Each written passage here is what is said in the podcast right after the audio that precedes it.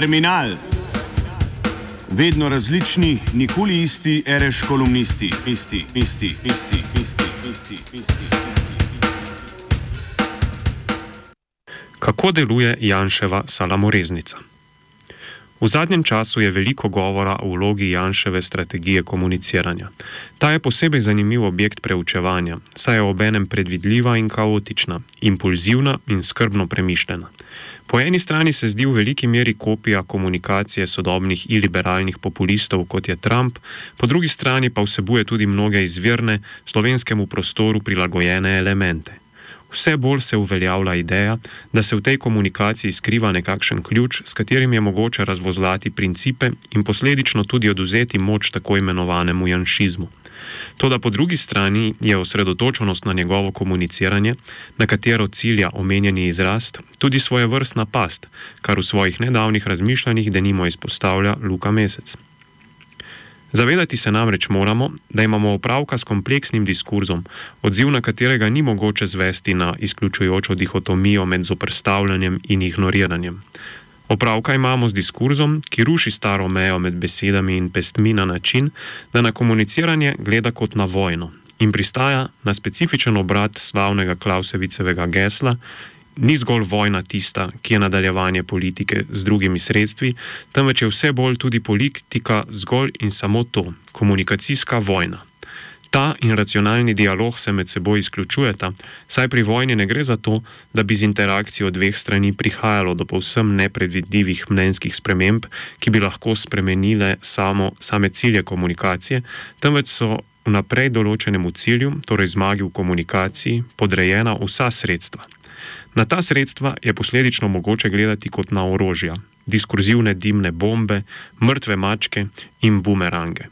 To vrstna komunikacija tako po eni strani predstavlja kontinuiteto z dolgotrajnim procesom PR-izacije in vsebinskega izpraznjenja političnega prostora, če tudi se po drugi strani zdi, da prelamlja z imperativom splošne všečnosti in iskanjem sredinskega konsenza.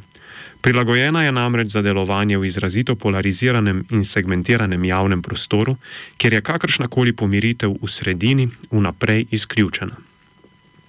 Čeprav je javni prostor polariziran, pa struktura te polarizacije, kot pokažejo avtori dela Network Propaganda, Manipulation, Disinformation and Radicalization in American Politics, nikakor ni simetrična. Tako v slovenskem, kot tudi v ameriškem javnem prostoru namreč obstaja veliko prekrivanje med levimi in sredinskimi mnenjskimi pozicijami, medtem ko desna mnenja vse bolj izrazito odstopajo v drugo skrajnost, kar se kaže tudi v prekrivanju pristopov in tem, ki jih pokrivajo levi in mainstream mediji, ter izrazitem razkoraku z desnimi mediji, ki se povezujejo z bolj obskurnimi in polprofesionalnimi spletnimi stranmi. Dejstvo je, da ta nesimetrija obstaja, vendar njeno naravo vsaka izmed upletenih strani razlaga na dva zrcalno nasprotna načina. Z leve perspektive je prekrivanje levega in mainstream medijskega narativa pogosto interpretirano kot znak zdravosti javnega prostora, medtem ko je z desne perspektive ta nesimetričnost simptom pristranskosti in prodanosti medijev. Vojna z mediji tako predstavlja ključno strateško točko širše komunikacijske vojne, saj lahko v veliki meri preoblikuje samo strukturo bojišča v prid ene izmed bojujočih strani. Z desne perspektive ki ima v izhodišču vplivanja na medije širokega dosega slabše možnosti, je v tej vojni tako smiselno staviti na strategijo sejanja dvomov vse medijsko producirane resnice, zaradi česar pride do povsem spontanega trka z diskurzom teorije zarote in do propagiranja relativizacije razlike med verodostojnimi in profesionalnimi mediji ter ostalimi akteri, ki producirajo informacije. V tem kontekstu je treba razumeti Janšev klic k svobodnemu internetu in njegovo naklonjenost nereguliranim socialnim omrežjem. Poleg tega se zoprestavljanje lažnim medijem spontano spari s populističnim pozicioniranjem, ki afirmira neposredno doživeto resnico in izkušnje malega, dvomečega človeka, ter favorizira možnost demokratičnega izražanja mnenja slehernika. S tem se format medijske vojne prekrije z glavno delitvijo na ravni vsebine Janševega diskurza, ki družbo radikalno deli na dva pola: prvorazredne in drugorazredne. Profesionalni novinari in večina ostalih, ki ima možnost javnega izražanja, so tako dojeti kot strukturno nujni sovražnik, ki nadzira javni govor in tako vzdržuje ideološko hegemonijo. V tem kontekstu je ena glavnih težav pri razumevanju Janševega komuniciranja, kot opozarja Uroš Jesih iz večera, ta, da se tisti, ki se z njim ukvarjajo, ponavadi osredotočijo predvsem na vrh ledene gore, na njegovo rabo Twitterja. Doseg Twitterja je med občo populacijo namreč precej pičev, saj ga dnevno uporablja le 50 tisoč uporabnikov.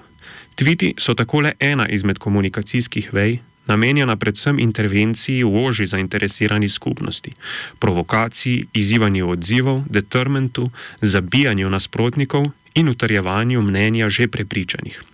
To, da kot opozarja Andraš Zorko, ima Janša širši, izrazito dvotirni tip komuniciranja. En tir je Twitter, drugi so množična občila. Na prvem tiru je radikalen in naroben, na drugem spravljiv in sredinski na prvem utrjuje obstoječo volilno bazo, na drugem skuša pridobiti nove voljivce. Prava vojna, katere namen je sprememba mnenjske nesimetrije, se torej ne odvija na Twitterju, temveč drugje, na Facebooku, kjer Janša preseneča z dolgimi in poglobljenimi zapisi, s poskusi vplivanja na medije širokega dosega, kot sta RTV in Siol, kjer, igra, eh, kjer sicer igra spravljivega evropskega državnika, ter z vsakotedenskimi pogovori na Novi 24, kjer se udejanja ideal populistične neposredne povezave med voditeljem in ljudstvom, saj lahko premjerju vprašanje zastavi slehrnik. Če je do sedaj veljalo, da SDS zaradi svoje radikalnosti ne more preseči maksimalne meje števila svojih voljivcev, kar predstavlja crka eno četrtino vseh voljivcev, se zdi, da dvotirno komuniciranje omogoča prav to: ohranjanje radikalizirane volilne baze in pridobivanje sredinskih voljivcev. In ravno perspektiva sredinskih, apolitičnih oziroma neodločenih voljivcev, ki je, za razliko od Twitterašev, nahnjena k spreminjanju mnenja in se ji prehod od Alfa, Šark, od Alfa Šarca k Alfa Janši ne zdi nič nenavadnega, ravno ta perspektiva je tista, ki je z gledišča levo-desne mnenjske vojne nevidna in nerazumljena. Ravno tej populaciji je namenjena predstava o užaljenosti zaradi grožen protestnikov, in ravno ta populacija je tista, ki je potencijalni kupec na vides centristične ideje o identiteti med radikalno levimi in radikalno desnimi političnimi gibanji, ki izničuje sicer nesimetrično razmerje med obema poloma.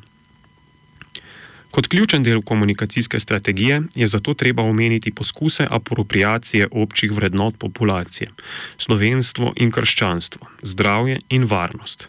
Pandemija COVID-19 je v tem kontekstu še kako priročen pripetljaj, saj omogoča vzpostavitev povezave med uspehi vlade in uspehi zdravstvene stroke in obratno povezavo med nasprotovanjem vladi in nasprotovanjem ukrepom proti širjenju epidemije. Apropriacija občih, tako rekoč apolitičnih vrednot večinske populacije, za katero med drugim poskrbijo jumbo plakati ob avtocestah, je nujen predpogoj za vzpostavitev tako imenovanega iliberalnega majoritarizma, ki je tako učinkovit na mačarskem. Ta, poleg značilnega vzorca medijske vojne, prav tako stavi na model izrazito dvotirnega komuniciranja, ki uspe v enotno volivno bazo združiti tako radikalizirano jedro, kot tudi apolitično večino. Gre za dve plati istega kovanca. Navidezna dolžna afirmacija večinskih vrednot kliče k radikalnemu izključevanju tako notranjih kot zunanjih zajedavcev. V tem procesu sta združena tudi dva glavna politična afekta: vesela afirmacija pripadnosti skupnosti in sovražen resentiment do zunanje nevarnosti. Oziroma, kot to v besedi Petar Milič v mladini, citiram, Predstavljam si, da se večina tistih ljudi v Sloveniji, ki nasprotujejo Janši, boji, da bo postal neke vrste diktator in bo zavladal kot gospodar kakšne višegrajske države. Vendar pa je to malo verjetno. Slovenija je, vsaj zaenkrat, centristična država z liberalno večino. Levica in desnica sta uspešni v tolikšni meri, kolikor sta sprejemljivi za sredinsko usmerjen srednji sloj. Bati se moramo nečesa drugega tega, da bo ta centristični srednji sloj sklenil zavezništvo z Janšo in sprejel njegove mračne ideje izbrane nacije in hierarhije spolov, vir in spolnih usmeritev, saj omenjenega srednjega sloja te ideje v večini niti ne zadevajo oziroma ga ne izključujejo. Konec citata. Slovenija se je sicer do sedaj prav zaradi spontane levo-sredinske usmeritve generičnega posameznika kazala kot izrazito neugodno okolje za vzpostavitev to vrstne politike. Na, na valovih volje treh četrtin volilnega telesa je uspelo protestniškemu gibanju v letih 2012 in 2013 odstaviti takratno Janševo vlado in na teh istih valovih je zadnja leta jadral tudi antijanšizem, ki je bil relativno uspešen pri politični izolaciji SDS. Trenutna situacija pa je nekoliko drugačna. Če tudi smo še daleč od Mačarske, se zdi volivno telo, kar kažejo tudi rezultati anket o podpori protestov proti Janši in anket o podpori političnim strankam, simetrično razdeljeno na dva že odločena, enako velika pola ter sorazmerno velik preostanek neodločenih. V bližnji prihodnosti bo tako ključno, komu bo uspelo tehnico prevesiti na svojo stran. Pri tem bo morala levica najti učinkovitejše načine za spojitev z vrednotami obče populacije, ne da bi pri tem zapadla v problematične izključevalne segmente na večinski volji utemeljenih politik. Terminal sem pripravil Jrnej Kaluža.